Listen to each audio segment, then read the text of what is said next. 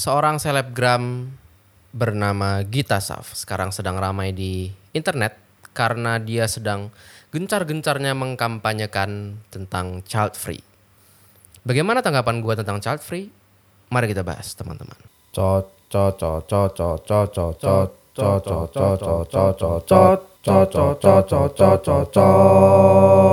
Cocot by Besok Kerja Podcast.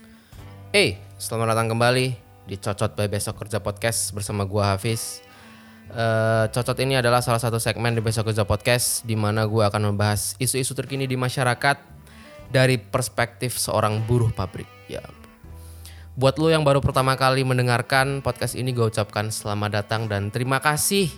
Terima kasih sekali sudah mau mampir. Eh, semoga lu betah mendengarkan dan semoga gue bisa menghibur dengan eh, insight-insight gue yang sotoy ini. Oke, sebetulnya Gita Saf itu udah declare bahwa dia menganut paham child free. Itu tuh udah lama, udah dua tahun dua tahunan yang lalu kali ya. Jadi dia tuh eh, karena dia sekolah di luar negeri dan sekarang kerja di luar negeri. Gue lupa negara apa, di mana? Jerman ya. Jerman kalau nggak salah. Nah akhirnya banyak value-value atau eh, lifestyle orang Eropa yang akhirnya dia dia anut juga gitu dan salah satunya adalah child free. Waktu itu sempat ramai juga sebetulnya dia dia declare bahwa dia child free terus banyak orang yang eh, kontra dan apa segala macam. Waktu itu respon gua terhadap eh, Gita Saf yang mendeklarasikan dirinya child free respon gua ya cuman kayak ya ya terserah gitu ya badan-badan lu rahim-rahim lu keluarga-keluarga lu gitu ya terserah kalau lu eh, memutuskan untuk child free.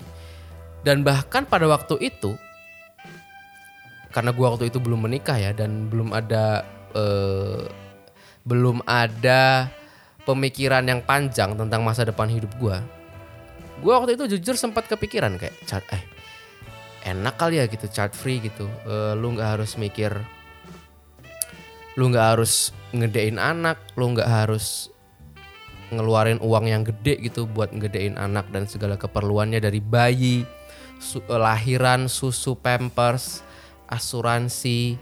Ntar udah agak gedean lagi dikit eh, lu harus mikirin dia masuk sekolah. Sekolah sekarang juga mahalnya kayak tai mahal banget di mana-mana. Belum lagi lu harus mikir gimana dia antar jemput gimana kesehatannya gimana makannya gimana pendidikannya belum lagi kalau dia udah tambah gede terus masuk kuliah lu harus mikir ya Allah biaya kuliah tingginya minta ampun. Belum lagi kalau anak lu cewek terus tiba masa-masa di mana ada cowok-cowok ah what the hell what the hell. Dan waktu itu gue mikir kayak aduh sepertinya sepertinya itu adalah pilihan yang tidak tidak begitu buruk gitu untuk child free sampai kemudian eh, gua bertumbuh gitu ya eh, gua menikah terus eh, enggak sebelum menikah eh, gua melihat eh, ya keluarga gua gitu ya keluarga keluarga kecil ring satu gitu ya terus keluarga besar dan itu cukup merubah pola pikir gue terhadap eh, apakah kita itu harus punya anak gitu. Dan kali ini kalau lu tanya gue bagaimana pendapat gue terhadap eh, child free ini sekarang gue secara pribadi gue kontra child free. Gue memilih untuk punya anak. Walaupun belum gue belum punya anak. Tapi eh gue ingin punya anak gitu ya. Dan suatu saat nanti insya Allah eh, diberi anak gitu. Tapi sebelum eh, sebelum gue membahas kenapa gue memilih untuk punya anak eh, gue mau membahas dulu tentang si Gita Saf ini gitu. Kayak jadi sekarang kan dia rame lagi gitu. Karena dia tuh eh, terakhir dia itu ngepost reels ya. Dia ngepost reels di Instagram yang isinya itu adalah foto-foto dia dan ya dokumentasi dia di umur 30 tahun dan tidak punya anak gitu ya. Di foto di reels itu ditampakkan betapa bahagianya gitu betapa bahagianya hidup ini tanpa anak, lu bebas mau ngapain aja di usia lu 30, nggak ada yang ngatur, nggak ada yang ini apa segala macam. Dan rame lah video itu gitu. Rame terus habis itu banyak yang komen, ya kan? Banyak yang komen. Nah, terus ada part 2-nya nih. Jadi dia eh ada yang komen, terus si Gita Saf balas komen. Jadi ada orang komen tuh kalau nggak salah intinya adalah dia itu bilang kayak, aduh Kak Gita Saf eh, di umur yang 30 masih sangat awet muda sekali. Sedangkan saya yang umur segini aja sudah terlihat tua dan bla bla bla bla gitu. Which is true gitu ya. Gita Saf kan baby face banget ya gitu. baby face banget. Gua gua juga kalau gua nebak umurnya itu mungkin 26, se seumur gua gitu. Ternyata dia udah 30. Nah, terus sama si Gita Saf itu direspon. Komennya direspon kayak Gita Saf tuh bilang eh iya eh, dalam bahasa Inggris gua gua lupa redaksinya, tapi intinya adalah eh Iya, ya kalau lu nggak punya anak ya begini gitu. Lu bisa tidur 8 jam sehari gitu ya. Eh terus lu punya tetap punya uang buat bayar botox gitu. Dan iya tidak punya anak itu adalah kalau nggak salah natural anti aging. Dia dia bikin istilah natural anti aging. An, eh, anti penuaan secara natural gitu karena kalau lu nggak punya anak ya udah lu nggak harus begadang mikirin nyusuin bayi, lu nggak harus eh, pusing mikirin finansial lu yang harus dibagi-bagi, lu nggak harus pusing mikirin banyak hal gitu ya. Yang mana kalau lu punya anak, beh mungkin stress level lu akan naik jauh gitu ya. Terus lu bakal stres dan akhirnya itu berpengaruh kepada eh, kondisi penampilan lu gitu. Lu jadi terlihat tua, terlihat keriput dan apa. Nah, baru habis itu rame lagi banyak yang eh, apa namanya? banyak yang mendebat gitu ya. Sebenarnya tidak hanya mendebat ya. Yang yang apa namanya? Ya yang menjadikan itu joke juga banyak gitu. Intinya orang-orang tidak tidak begitu suka dengan eh, statementnya si siapa sih Gita Saf ini gitu. Nah, anjing sorry gue ketawa karena eh gue mau masuk ke ke pendapat gue gitu. Tadi gue sempet tease di awal bahwa anjing ada suara lato-lato fuck. Tadi gue sempet tease di awal gitu bahwa gue declare saya kontra dengan child free. Yang mana artinya adalah gue ingin punya anak dan insya Allah eh, diberi kepercayaan oleh Allah untuk akhirnya eh, mengasuh anak. Gitu. Karena gini teman-teman, gue tuh mikir ya kayak kenapa aktivis child free itu semuanya muda-muda nggak ada yang tua gitu. Ya karena yang tua-tua udah nyesel gitu. yang tua-tua menyesal terhadap konsekuensi tidak punya anak gitu. Sakit-sakit sendiri, mati-mati sendiri. Lu tahu kan eh lu tahu kan yang di berita gitu yang mati di rumah sendiri terus baru ketahuan lima hari kemudian udah busuk gitu nah itu tuh itu child free itu begitu eh maksud gua iya lu bisa happy di umur 30 tapi di umur 60 lu akhirnya baru mikir gitu kayak anjing gua nggak ada yang ngurusin gitu dan gini ya ya mungkin mungkin pendapat yang lain lagi adalah loh kalau lu punya uang kan lu bisa ke panti jompo dan akhirnya mendapatkan fasilitas yang baik dan apa lu dirawat dan segala macam. Gua tuh gua kan eh cukup dekat dengan keluarga ya gitu. Maksud gua keluarga tuh keluarga keluarga besar. Jadi gua waktu kuliah tuh gua ada di satu kota dengan keluarga besar gitu. Keluarga buyut atasnya buyut tuh apa sih?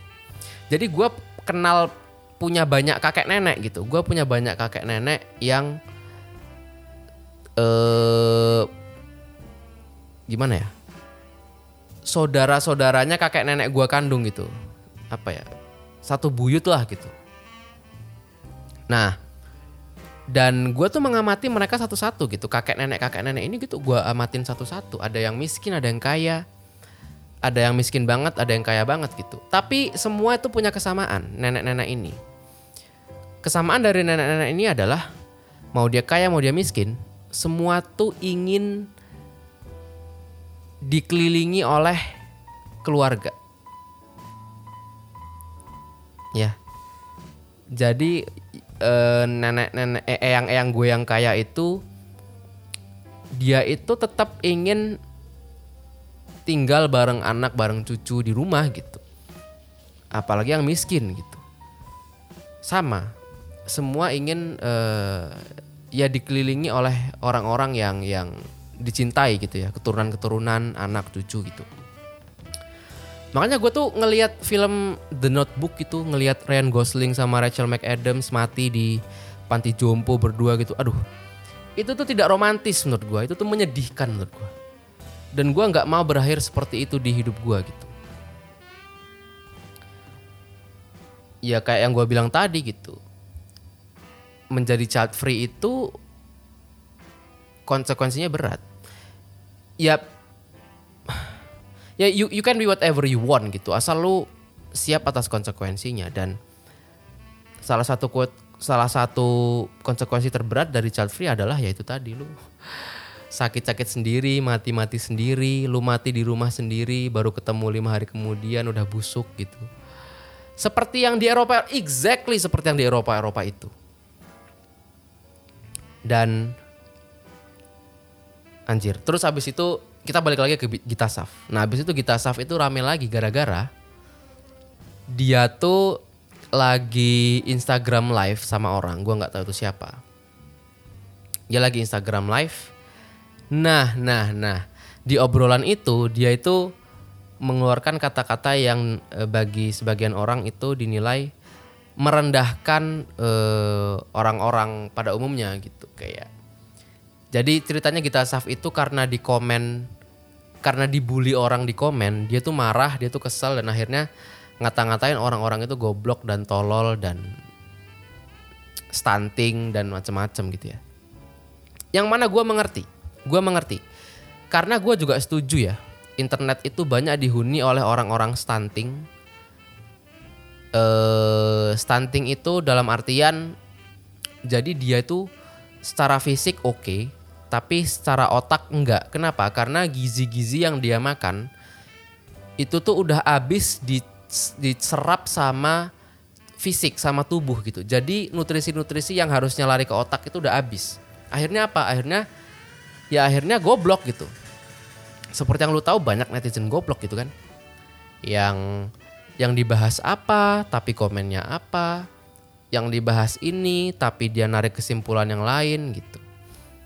Nah, gue paham itu. Tapi, nah dalam hal ini berhubung Gita Saf itu ya kuliah di luar negeri dan eh, apa namanya ya hidup dengan lifestyle Eropa, ke, kemudian ngata-ngatain orang Indonesia goblok dan tolol. Nah di situ dia itu jadi eh, terlihat merendahkan eh, orang-orang yang yang tidak seperti dia gitu. Ya dia di luar negeri, pola pikirnya maju dan apa segala macam. Akhirnya dia menghina orang-orang uh, di Indonesia gitu. Nah akhirnya rame lagi tuh video.